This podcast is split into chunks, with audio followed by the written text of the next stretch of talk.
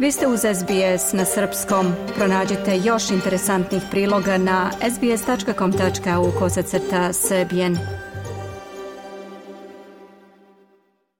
U jeku krize izazvane povećanim pritiscima troškova života, sve više stanovnika Australije ima značajne financijske poteškoće.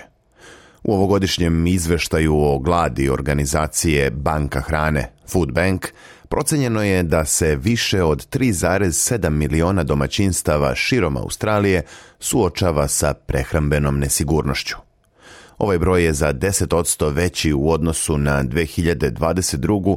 i pokazuje da rastuće cene roba guraju mnoge porodice u dublju nestabilnost.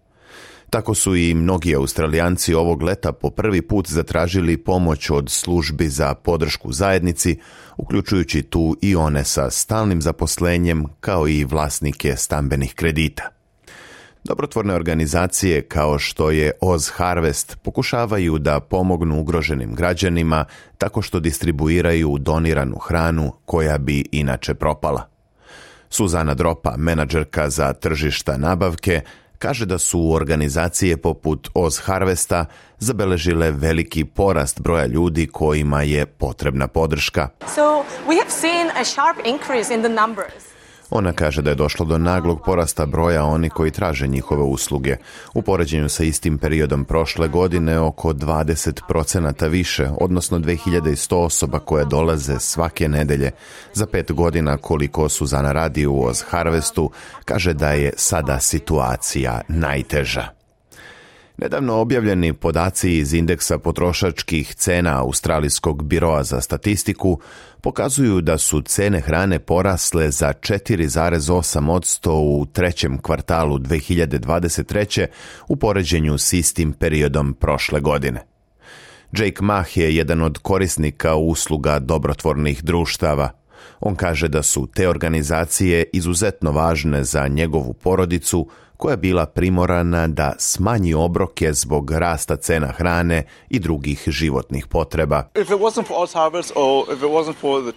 Da nije bilo Oz Harvesta ili crkava koje daju hranu, umirali bismo od gladi. Kada idemo u samoposlugu, plaćamo iste cene kao i drugi ljudi. Ne dobijamo besplatno voće i povrće u supermarketima, tako da smo došli do budžeta koji nam dozvoljava da kupimo manje i da jedemo manje, kaže Jake i dodaje da je zbog skupoće i smrti smršao u proteklom periodu. Oz Harvest uzima neprodato sveže voće i povrće iz samoposluga pre isteka roka upotrebe i distribuira tu hranu dobrotvornim organizacijama širom zemlje. Kada su u pitanju namirnice koje ljudi kupuju, statistika je poražavajuća i pokazuje da svaka peta kesa puna proizvoda kupljenih u samoposlugama završi u kanti za smeće to je oko 7 miliona tona hrane svake godine. I korisnici koji dolaze u Oz Harvestov špajz u Sidneju zahvalni su što dobijaju ostatke hrane, jer tako prave zalihe za period praznika. Jedan od korisnika, Roy Russell, kaže da bi voleo da vidi više podrške dobrotvornim organizacijama. Well, Oz Harvest mi je neverovatno mnogo pomogao, kaže Roy i dodaje da dolazi svake nedelje kako bi sebi olakšao život. On izrazio želju da se takvim organizacijama pruža više podrške i od strane vlade i od šire zajednice. Tokom ovog prazničnog perioda zabeleženo je i da mnogi australijanci menjaju svoje potrošačke navike i smanjuju trošak na kupovinu poklona – Vršilac dužnosti direktora Australijskog saveta za socijalne usluge Dvina McDonald poziva saveznu vladu da pruži bolju podršku ljudima s niskim primanjima koji snose najveći teret krize troškova života. McDonald kaže da njena organizacija traži hitno povećanje isplata podrške dohodku kako bi one bile u skladu s penzijom od 78 dolara dnevno.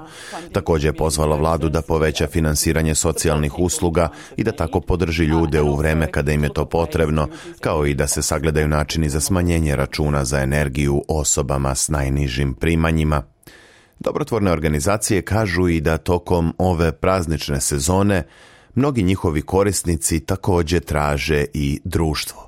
Suzana Dropa iz Oz Harvesta ističe da prijateljstvo i osjećaj zajednice koje pružaju humanitarni centri također igraju značajnu ulogu u privlačenju korisnika –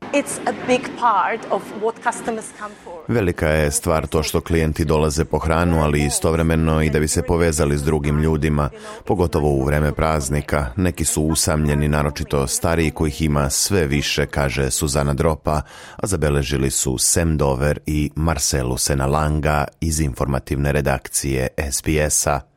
Ja sam Branko Cvetojević, slušate program na srpskom. Želite da čujete još priča poput ove? Slušajte nas na Apple Podcast, Google Podcast, Spotify ili odakle god slušate podcast.